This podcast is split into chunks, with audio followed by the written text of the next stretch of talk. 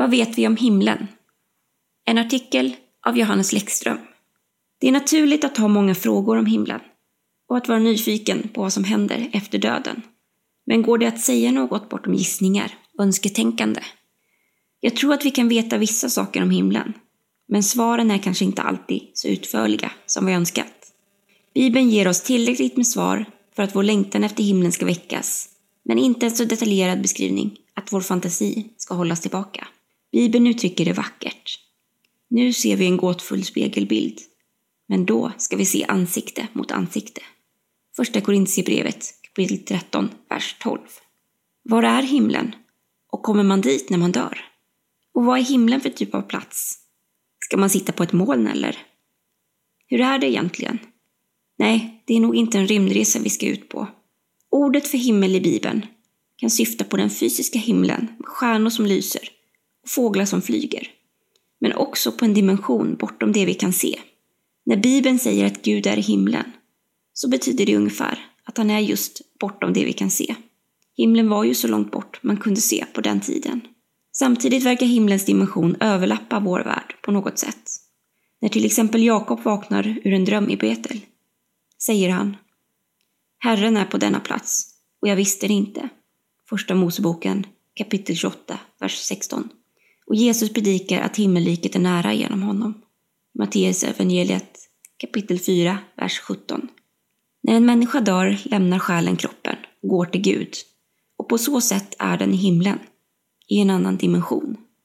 En kristen har ett starkt löfte om att få vara hemma hos Herren efter döden. Andra Korintierbrevet kapitel 5, vers 8. Men himlen är faktiskt inte målet för en kristen. Målet är att himmelriket ska komma till jorden. Detta var ju Jesus mission och han uppmanar oss att be om det i bönen, vår Fader.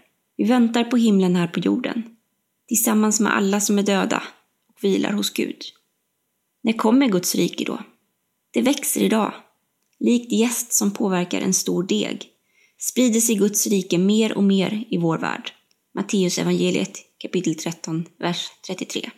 Guds rike kan få ta plats i ditt liv genom att Guds heliga ande bor i dig och du kan få bli en ambassadör för hans rike här på jorden redan nu. Samtidigt, det fullkomliga riket kommer först när Jesus kommer tillbaka. Skapelsen väntar ivrigt efter att få bli fri från synden och allt lidande. Romarbrevet kapitel 8, vers 22. Så även om vi som Guds barn kan få njuta av Guds frihet här och nu väntar vi på något bättre. Vi vet inte vilken tid Gud bestämt, men vi vet att när det väl sker så kommer det vara tydligt Matteusevangeliet kapitel 24, vers 27. Vad händer när Jesus kommer tillbaka? Jo, då kommer alla döda människor att uppstå.